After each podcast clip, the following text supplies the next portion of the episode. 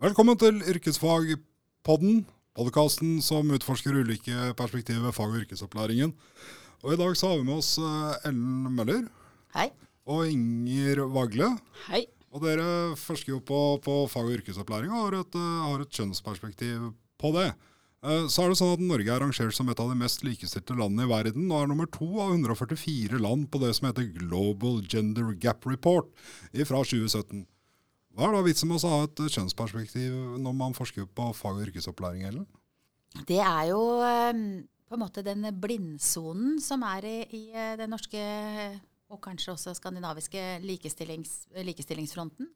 Så eh, har ikke fag- og yrkesopplæringa fått være med på festen, for å si det sånn.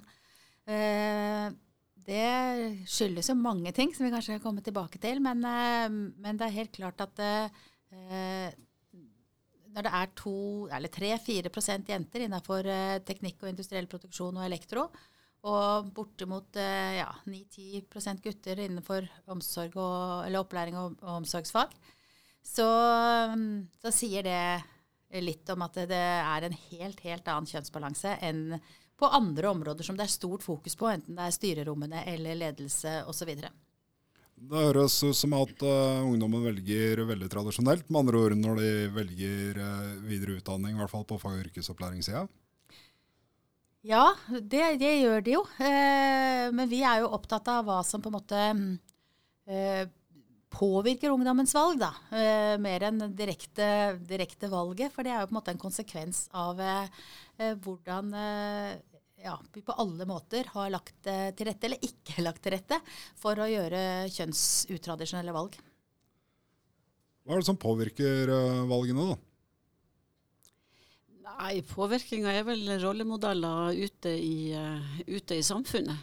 Og så er det jo få som ser kvinnelige elektrikere og mannlige helsefagarbeidere. Og vi ser jo at det skjer ting, uh, selv om de er vel, når de er veldig unge yrkesfag, så har det jo skjedd på helse og oppvekst. Så er det jo nå over 20% som søker seg inn der. Og der har vi jo, vet vi jo at eh, barne- og ungdomsarbeideren, det er der det blir flest eh, gutter som kommer, mens det blir at eh, helsefagarbeideren, der har de kommet kortest. Så det er jo mange ting som spiller inn på det her òg, men eh, det er jo for de unge å se, se hvem som gjør hva i samfunnet. Ellen starta med å si at eh, vi har hatt stort fokus på, på høyere utdanning, styrerom og likestilling og kanskje også kvotering eh, der sånn. Hvor står, eh, hvor står eh, forskninga på fag- og yrkesopplæring på kjønnsforskninga i dag? Nei, Det viste seg jo seinest nå, å si der hvor forskjellen er størst, der forskninga minst. Så det var vel Reisel som viste det nå nettopp i en, eh, en rapport som kom. og at, så Det er ikke bare noe vi sier. Men sånn at det, det er nok fokuset og har vært minst på, på, yrkesfagene. Og det kan skyldes mange ting. Kan, man kan se det i et, i et klasseperspektiv. man kan se det i et perspektiv på at fag- og yrkesopplæringa ligger under fylkene og ikke er et statlig område. Så de går under radaren på den statlige likestillingspolitikken.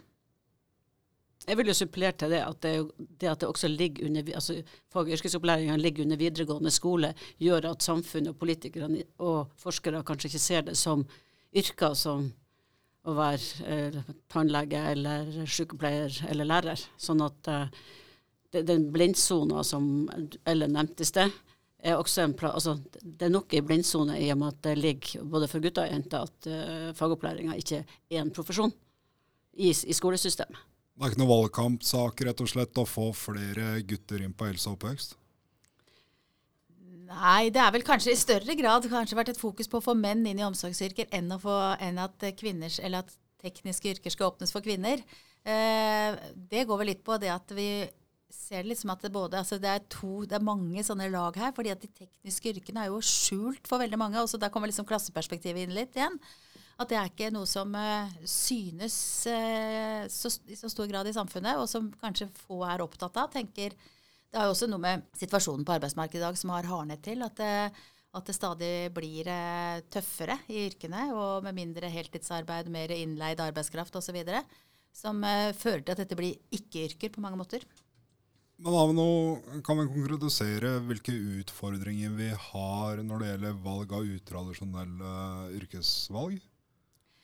Altså, som vi, Inge var inne på, så er det jo, vet vi at det er to ting som er avgjørende for at man skal velge. Og naturligvis er dette med at man må velge veldig ung. At man kan LID-utvalget er jo inne på å foreslå å få, ikke bare pga. det utradisjonelle valg, men pga. generelt, at man skal få rett til to kompetanser. Altså at man skal gå enten på studiekompetanse og fagutdanning. Eh, eller to fagbrev. At det skal være en ligge i rettigheten. Og det er virkelig en ting som kan bidra til å kanskje åpne mulighetene for både gutter og jenter å tenke seg om en gang til. Eh, men i, i tillegg så er dette at enten så trenger du å ha hatt noen forbilder eller rollemodeller, eller så, så, trenger du å ha hatt noen egne opplevelser og erfaringer. Og grunnskolen i dag er jo ikke akkurat preget heller av eh, mye praktiske yrkesfag, og ei heller yrkesfaglærere, som kanskje burde vært inne i, i grunnskolen og fått uh, lært opp folk ordentlig. Ja, for Yrkesfaglærere de er kvalifiserte for å undervise på ungdomsskolen, er det ikke det? Jo, de er det.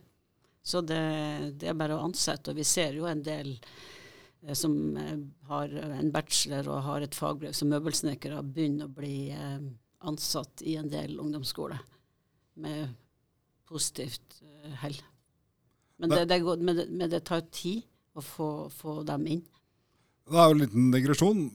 Men når hvis jeg som, som, jente begynner å jobbe på, på eller utdannelsen min da, på teknikk og industriell produksjon eller elektro, eller jeg som, som gutt begynner utdannelsen min på helseoppvekst, hvordan er hverdagen? Vet dere noe om det? Altså, hvordan, hva, hva, blir utfordringene for de elevene?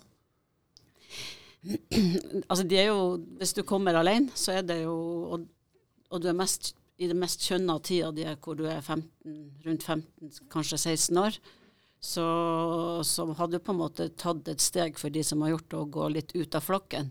Så det er jo et, eh, det er en utfordring, bare det. Og har du gode lærere og en hyggelig klasse, så, så går det stort sett veldig bra. Eh, og så er det noen tiltak som eh, kanskje du, Ellen, som står nå i skole i større grad enn meg, kan ja, vi, se nå. Vi ser jo helt tydelig at um, historiene kan bli veldig forskjellige ettersom hvorvidt skolene eh, er, har en holdning til at dette er noe vi ønsker.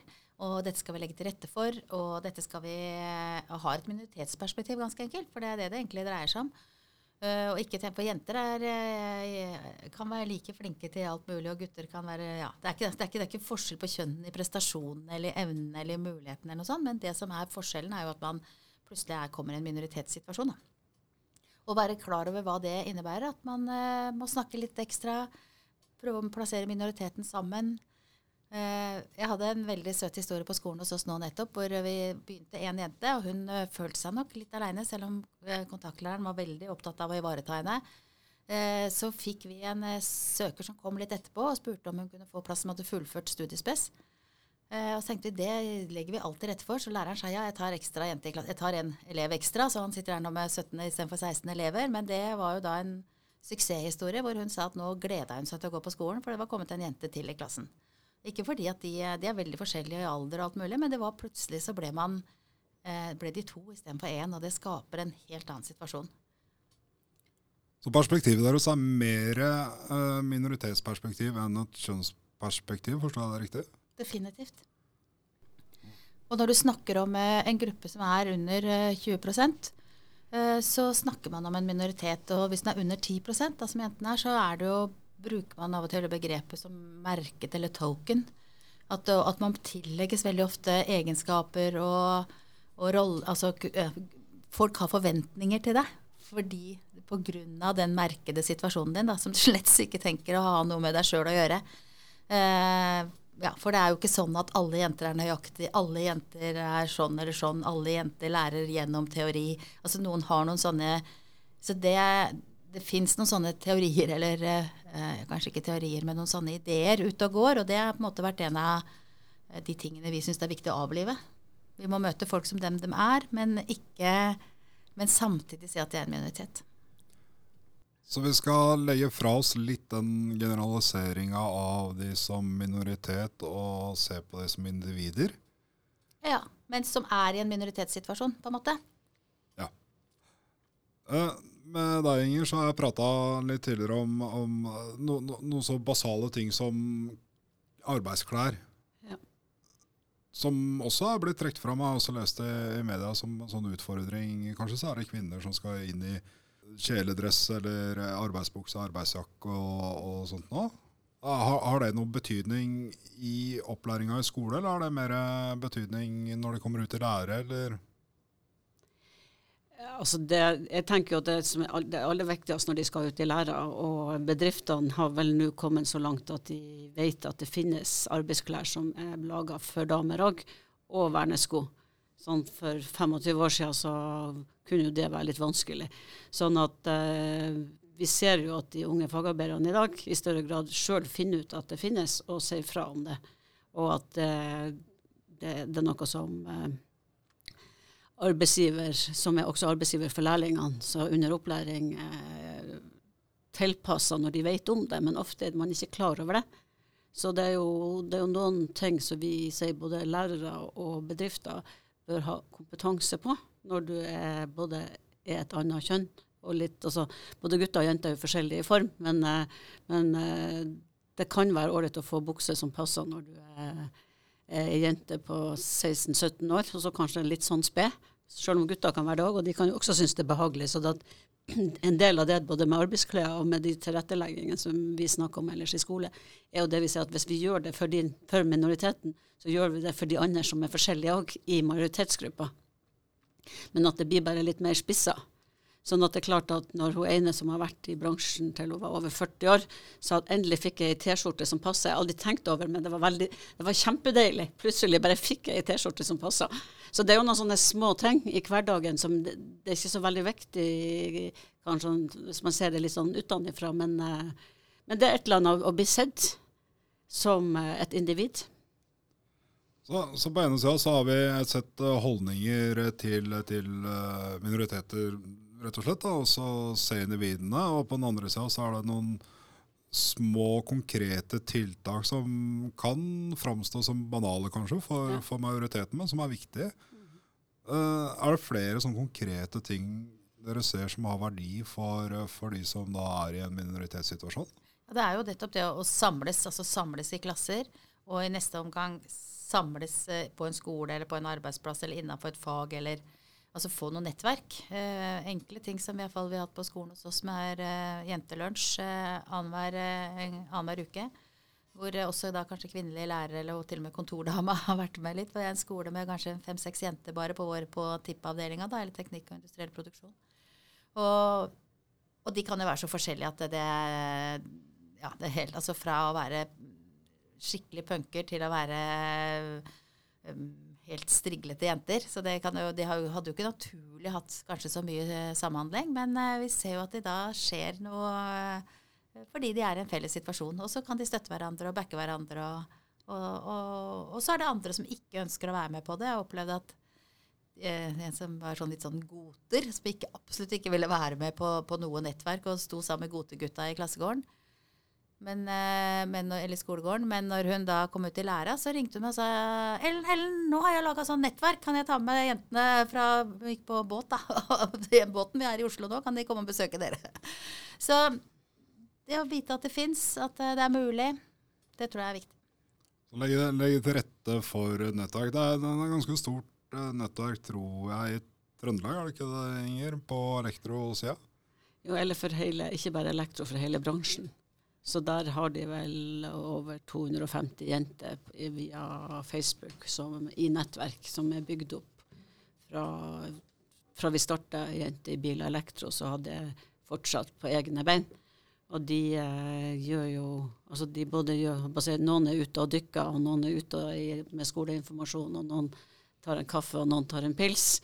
Eh, for å på en måte man kan snakke om noen som skal ta et fagbrev, utveksle ting med hverandre på det som du kanskje ikke har lyst til å spørre noen andre på gutta om. Lettere å spørre noen andre. Og noen som skal begynne skifte skole og spørre etter skole Eh, og nettverket oppe i Trondheim har jo i tillegg god kontakt med LO og har fått en del midler derifra òg til å drive eh, informasjonsvirksomhet. Men eh, det, når de gjør det på fritida si, så blir de litt sliten. Sånn at eh, Og det er vel det som Ellen og jeg både har forska i og på og har erfaring med sjøl, at eh, man kan godt legge til rette for et nettverk, men da ønsker man at jentene skal drive det sjøl, og det er jo ålreit. Men da er det ofte noen ildsjeler som gjør det etter arbeidstid. Og det ser vi jo også nå i fagforeningen i Oslo-området òg, at de, eh, at de begynner å legge til rette til, for uh, nettverk. Um, og da er det vel litt det jentene må gjøre etter arbeidstid som blir drivkrafta på det. Og, det, og så går det i kanskje ti-tolv år, og så blir folk litt slitne av det. Og så skal man være heldig om vi har noen som står bak og går videre.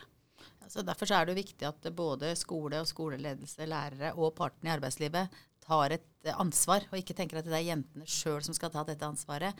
Og det er, det er, ganske spennende å se på de bedriftene, altså sånn som eh, Canvas barnehager, som er jo en stiftelsesbarnehage. De har nå eh, nesten 25 menn ut fra en aktiv politikk og et aktivt ønske. Eh, og Statoil har 40 eh, jenter i de tekniske yrkene eh, som lærlinger.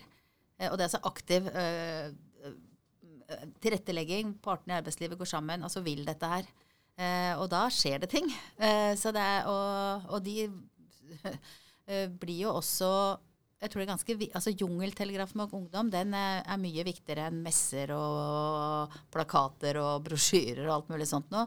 De, hvis de vet at det finnes gode muligheter, hvis de hører om andre folk som lykkes og har det bra, så er det langt mer rekrutterende enn en andre sånne litt enklere ting. Det nettverkene bør bli satt i system, få tilført litt midler og litt sånt. Og når vi trekker dette inn i skolen igjen, så er det kanskje sånn at eh, nettverkene får støtte fra engasjerte lærere, men skjer det noe fra skoleeiersida, altså fra fylkeskommunen?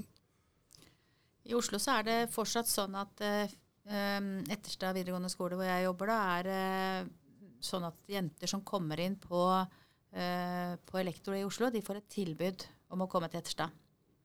Så vi er en slags såkalt slusing. da, At eh, de må ha minimum av, poeng for å komme inn, men at de da får det tilbudet om å komme. Så det er jo en strukturelt tiltak fra uh, Utdanningsetaten i Oslo sin side, som har vært der helt siden bevisste utdanningsvalg i 2002 eller noe sånt. Mm. Så det, det, fungerer jo. Uh, utover det så er det jo opp til skoleledelsen og, og, og lærere. Og, vi, og der har vi jo helt, helt forskjellige historier landet rundt altså, som vi får høre. Noen gjør masse, og andre sprer fortsatt gutter eller jenter. Én eh, og én i hver klasse, for det skal være bra for miljøet, eller for å å og tenker ikke nettverk, og tenker ikke ja, tenker ikke over det, egentlig. Det er vel litt forankring i ledelsen. For det vi, ser her, at vi iallfall når vi starta med de her prosjektene som vi har vært mer spesielt bevisste i utdanningsvalg for på slutten av 1900-tallet, altså overgangen 2000, så, så, hadde vi jo prosjekt hvor ledelsen var en del av det prosjektet i fire år. Og hvor eh, de hadde folk som var ansvarlig gjennom fylket, som da var prosjekt. Eh, så vet jo jeg at i perioder så hadde, hadde noen vært ansvarlige i, på Ettersdag. Eh, jeg vet ikke hvordan det er nå, men, eh, men, det vi vet er at eh, ellers i landet så er det ofte en entusiastisk lærer som gjør, som gjør, alle de her tiltakene på si fritid. Og så får de beskjed om at det er veldig fint at dere gjør det, av rektor, og, så, dere, og dere kan få gratis pizza. Sånn at, eh, sånn at eh, så lenge ikke dette er forankra, så blir det helt tilfeldig hvordan det her blir. Altså Med Oslo kan vi jo si det positive med det som har skjedd der nå, det er jo det at eh, en av de eh, konsulentene som har med fag- og yrkesopplæring, har fått et ansvar for å følge opp uh, jenter, jeg tror det er blitt gutter etter hvert òg, men hun skal i alle fall gjøre det, uh, som begynte på teknologiske fag, fra de søker uh, og mens de går i læretida. Og det kom vel for ca. et år siden. Så, og, og, det, og, hun er jo også elektriker sjøl fra før. sånn at Men det er klart at her må det jo legges eh, både midler, at ikke det blir noe sånn ekstra for folk i fylkene òg. Men nå er det, iallfall fall, det, det, det har iallfall skjedd, og det er jo en positiv ting. Og det er vel det vi ønsker skal skje på en måte i alle regioner og fylker. Både at noen i fylket har et ansvar, og eh, skoleledelsen har et ansvar. Og vi får reelle strukturelle endringer, ja. og at det ikke ja. er ildsjelene som driver, driver dette framover. Vi trenger de òg, men vi må på en måte ha det i system hvis vi skal ivareta. Så er det jo mye morsommere å være ildsjel hvis du får støtte, da. Det er sant. Du Ellen nevnte noe med fordeling av uh, gutter og jenter i klasser. Uh, tallet 20% kom opp her i stad. Vi, vi gikk ikke noe nærmere inn på det, men, men minoritet når 20 ja, da begynner du å få et navn og bli eh, et menneske, holdt jeg på å si, når du er, er mer enn mer enn 20% av, i en gruppe. Eh, så viskes liksom litt ut. Men eh, vi har valgt faktisk eh, på Etterstad i mange år når vi, Det går litt opp og ned da, med konjunkturer og andre ting. Eh, når vi har hatt eh, å ha inntil 50% i en klasse. Så jeg har hatt en egen kjøretøyklasse sin med åtte jenter og åtte gutter. Men eh, det er ikke så ofte vi er så heldige å ha så mange. Eh, men det er viktig. Og det Mange syns det var veldig rart, men, for, men eh, det var jo veldig spennende og veldig ålreit. Altså. Inger har også prata om uh, 20% Hvorfor er det et uh, viktig måltall? Det var når vi, når vi har jobba med de to store prosjektene som er bevisst utdanningsvalg og jenter i bil og elektro, så har vi jo tatt noen studier eh, til det. Og da har, har vi vært så heldige å komme borti ei som heter Rosa Betkanter, som har noen minoritetsteorier som sier noe om at du kan slutte å gjøre noe når du får prosentandelen over 20% Og du hører jo Jeg hørte han lederen eh, fra, i byggnæringa, han er jo ute nå og sier at eh, vi skal ha 20 jenter innen det og det årstallet pga. forskning. Og det, jeg tenker, jo det er jo den forskninga som, lille forskninga som vi har vært med på. Det er ikke så mange andre som sier noe om det, men det er jo veldig fint at de, at de kjøper de eh, teoriene. ja, så syns du jo, altså sett på sånn på, Jeg tror det er det som har skjedd på NTNU og på en del av disse ingeniørstudiene og sånn. ikke sant? Man har kjørt tiltak, og så når du klarer å vippe ting over 20 eh, så er det en slags sånn sjølforsterkende kraft som trer i. For da er det såpass mange som kjenner noen, som vet om noen, som osv. Det er ikke så mange som ser på det, sier du, Inger. Eh, dere to har jo sett på, på det her eh, nær sagt en kvinnealder. Um, Hvorfor, eh, hvorfor, er det så lite forskning, altså spesifikk forskning i Norge? Vi, vi, vi, ser jo på fag- og yrkesopplæring, og vi diskuterer jo det. Vi har vært gjennom yrkesfagenes år og sånn, men den, den uh, kjønnsfordelinga da, mellom yrkene, hvorfor, hvorfor uh, forskes det lite på det? Hva gjøres egentlig? Gjøres det noe nå i det hele tatt? Eh, ja, så eh, det er klart vi har vel ikke fulgt altså Det kan jo være i noen kroker i Norge at noen sitter og gjør noe akkurat nå som ikke vi vet om. Men, eh, men eh, jeg tror at fag- og yrkesopplæringa i seg sjøl er veldig komplisert å skjønne hvis man ikke har sjøl vært inne i det eller jobba med feltet i mange mange år. Eh, så for at det er så mange, altså du, De er unge, de er i skole, og de er ute i bedrift. og det, så det har med arbeidslivsforskning, det har med pedagogikk, det har med strukturer og samfunnsproblematikk å gjøre. Eh, og da er det vel Jeg tenker at det er komplekst for forskere å gå løs på det. Og så er, er, det vel litt sånn syn på hva er yrkesfag. Altså sånn, man snakker om status istedenfor å se det fantastisk flotte med å få et yrkesfag som vi representerer. Iallfall jeg som jeg ser at jeg gjør jo det her for at jeg er så ekstremt glad i yrket mitt som elektriker og installatør, at ikke andre kan få være en del av det. Men eh, jeg, jeg, eh, jeg tenker iallfall når jeg hørte på Lisa Reisel som la fram den kunnskapsrapporten eh, nå til det, hva det heter, Unge dag-utvalget. Det var jo et oppdrag de hadde. og det og, det, og, som hun presiserte, at her er det kjempelite som er gjort. Men det er bare prosjekter, og de sier ikke noen sånn grunn for det. Men jeg tror på en måte det er ikke kjønns, altså, kjønnsforskere ser på andre ting. Og, det, og man sier vel også klasse og kjønn er vel noe som man har sett lite på. Og så er det liksom sånn er elekt, er det, er, Hva er klasse i forhold til en fagarbeider, som vi også har spekulert litt i, kan vi si det? Sånn at um, Ja. Det, men, men, men jeg tenker også på hvorfor gjør ikke flere som er innafor yrkespedagogikken det? Det syns jeg er et godt spørsmål som ikke jeg kan svare på, for vi har gjort det. Så det, vi vet ikke helt hvorfor ikke flere gjør det. Eller iallfall ikke jeg. Eh, men det er jo kanskje det at man på en eller annen måte har blitt såpass eh, altså når du, man blir såpass mye en av gutta, eller at man blir en del, at man, at man tenker mer fag og kjemper for fagene sine, opptatt av fagene sine. Og så, og så kommer ikke det kjønnsperspektivet med inn i det arbeidet. på en eller annen måte. Jeg, jeg, vet virkelig ikke hvorfor det ikke er flere av de som er innafor det yrkespedagogiske feltet allerede, som engasjerer seg. Altså. Ja, jeg, jeg, tenker jo det at det er for at uh, vi skrev ei bok for 15 år siden, så da tenkte jo vi oi, nå kommer, hele, nå kommer lærerutdanninga til å bruke den. Og det har den jo ikke gjort. Altså Det er jo tilfeldig om noen har visst om at den eksisterer. Eh, og det synes jo, Så det er jo, det er jo også et sånt felt i forskninga, som Ellen sier her, eh, innenfor eh, det yrkespedagogiske feltet og lærerutdanninga generelt. I, altså, altså det, jeg tror når du tok din bachelorutdanning her, så hadde du ikke noe tema om det. Og, det, og jeg tror vi gjør en liten undersøkelse nå, som, eh, som er litt forskning, for å se på står det noe i planene til eh, yrkesfaglærerutdanninga om temaet? Hva er føre, overordna føringer? Og det vi finner der, er vel at det er et sånn ikke-tema i yrkesfaglærerutdanninga òg. Ikke ond vilje, men det bare ikke er der for det er så masse annet som skal være med. Ja, for da er du inne på opplæringa på høyskoler og universiteter. Og da er det jo kanskje et paradoks at uh, hvis man ønsker et masterstudium så i en masteroppgave, så må du vel nettopp svare for, for minoritets- og kjønnsperspektiv, mens det på nivået under så mener dere at det faller litt ut? Ja, det vi ser på det vi har, vi har, vi har gjort et søk i alle planene eh, i fire fylker som har lærerutdanning. Og vi finner lite eller ingenting. Det kan være selvfølgelig noen som legger det inn i innholdet, som ikke vi vet om. Men eh, vi, vi ser ikke mye av det.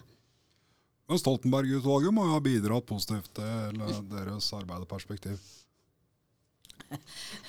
Helen, vær så god. um, ja um, jeg, Min første reaksjon er at jeg ble jo ganske såra av Stoltenberg-utvalget. Og det har jeg fortalt Camilla Stoltenberg også. Uh, fordi jeg opplevde jo at yrkesfagene i det hele tatt ble framstilt uh, som en manglende måloppnåelse, nærmest.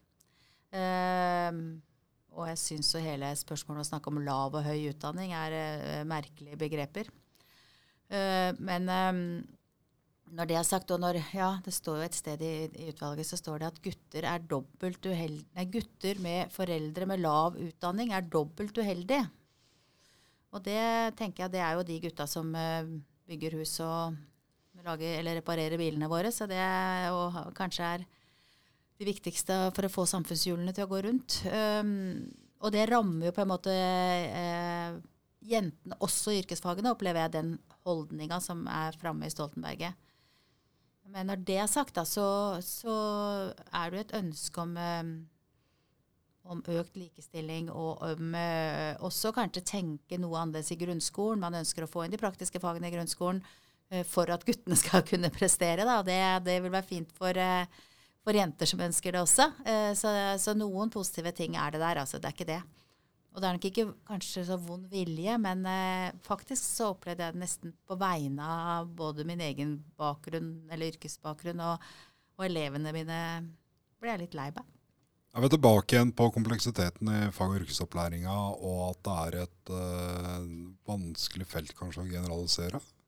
Ja, jeg tror jo det. For i Stoltenberg-utvalget så er eneste forslaget for jenter på, på, yrkesfag, det var jo kjønnspoeng.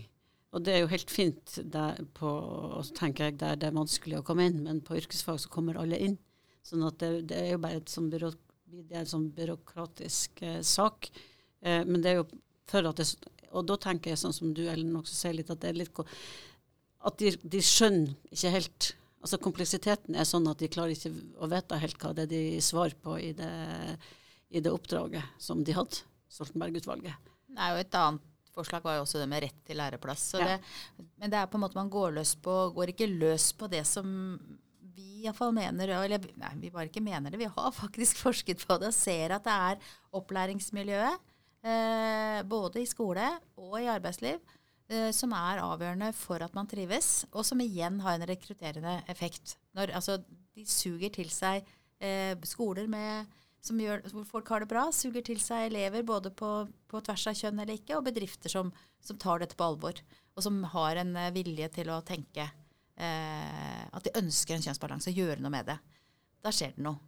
Men, det, men de, altså, de, de, skal jo ikke bare ønske, men de må gjøre noe tiltak, de bedriftene som da setter her i gang. For det er klart at det er jo veldig mange i elektrobransjen og bilbransjen og byggebransjen nå som vil ha jenter inn. Så de bare sier men vi skjønner det ikke, for det, det er ikke noen jenter å ta av. Men de har ikke helt skjønt hva de sjøl må gjøre for å gjøre seg sjøl attraktiv for dem. Og det, er, og det, er, vel der tenker jeg litt uh, ting står. Hva er det de må gjøre for å gjøre seg sjøl attraktive? De må klare å, å, kommunisere både utad og innad at jenter reelt er ønska. Eh, eller gutter, da. Eh, og det er som sagt eh, Kadmasbarnehagene har klart det, f.eks. Eh, og jeg har snakket med jenter som gikk på Politihøgskolen. Jeg spurte liksom, hva er det som gjorde at dere valgte. Og så sa de at vi, vi følte at politiet ønsket å få inn jenter. Eh, og det var det som var motivet deres. Og det tror jeg ikke verken bilbransjen eller elektrobransjen for eksempel, har klart ennå helt å signalisere ute i verden. da. Hvordan signaliserer man det? At du, at, at, altså, at du, ikke bare prater, men vis helt konkret. At du har eksempel som viser eh, eh, altså gode eksempel, tenker jeg. Og vi, at de kan vise det der, tenker jeg. En, en, en kan, kan tilrettelegging på, på, på arbeidsplassen Ikke, ikke, sånn type tilrettelegging som en tenker på bygg og anlegg, f.eks.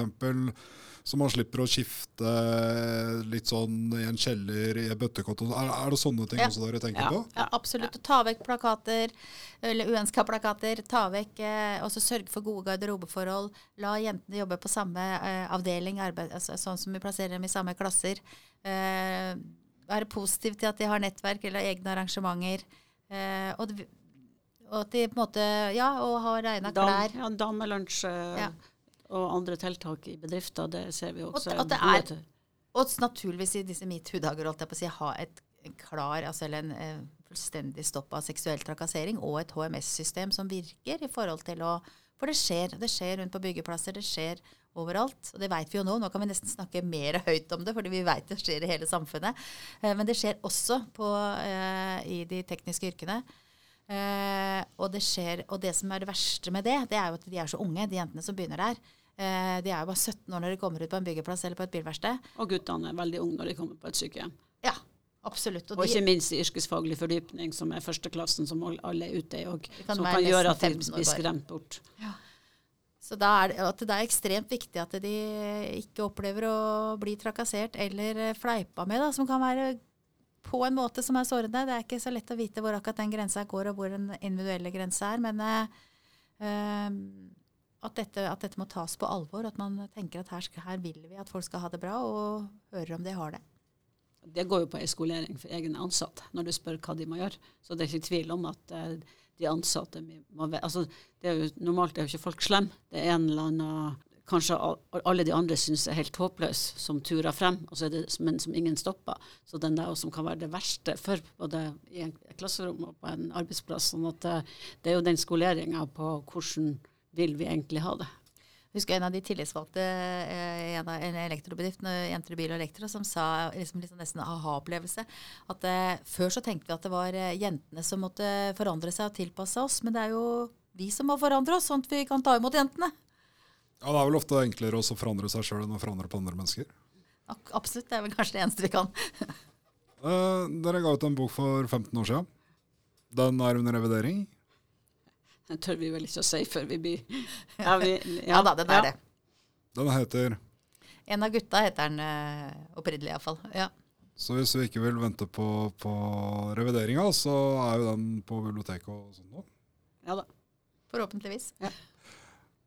Er det noe usagt nå som dere mener bør legges til? Er det noen perspektiv vi har glemt?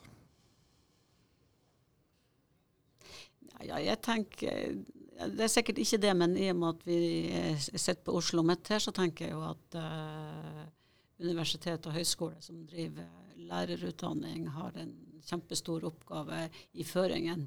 Det ligger i føringen til universitet og høyskole at man skal også ha blanda Altså det er lite altså, som går på innholdsmessige ting, men det, det sies ganske mye om eh, de studentene man rekrutterer, og at man skal ha mangfold.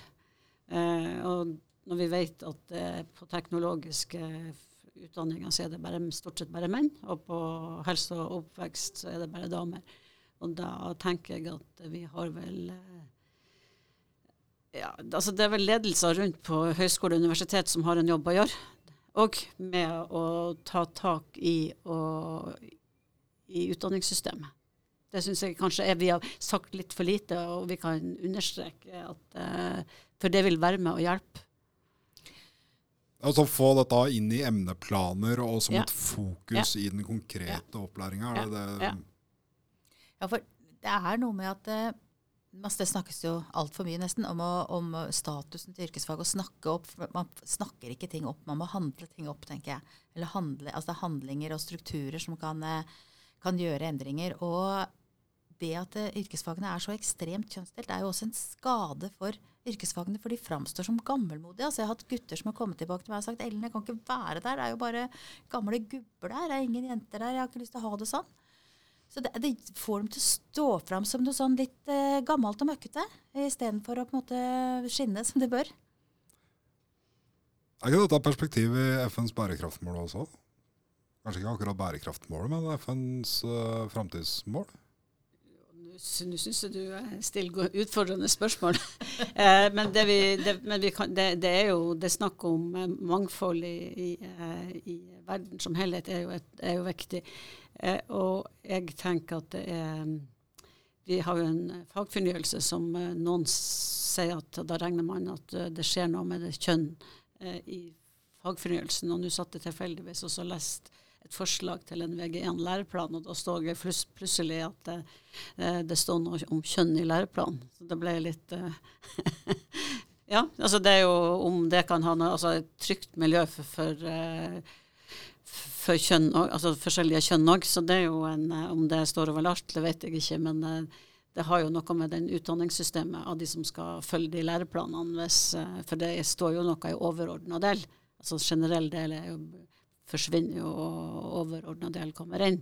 Og der står det jo absolutt noe om, om å ivareta kjønn.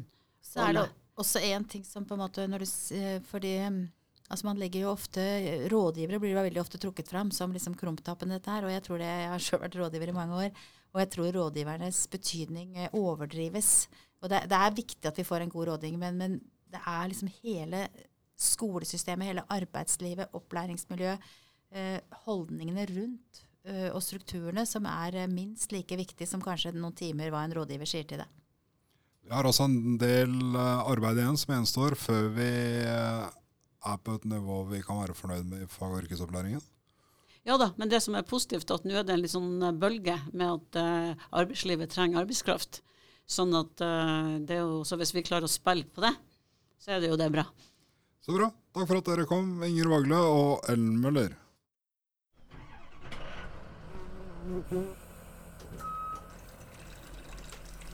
Thank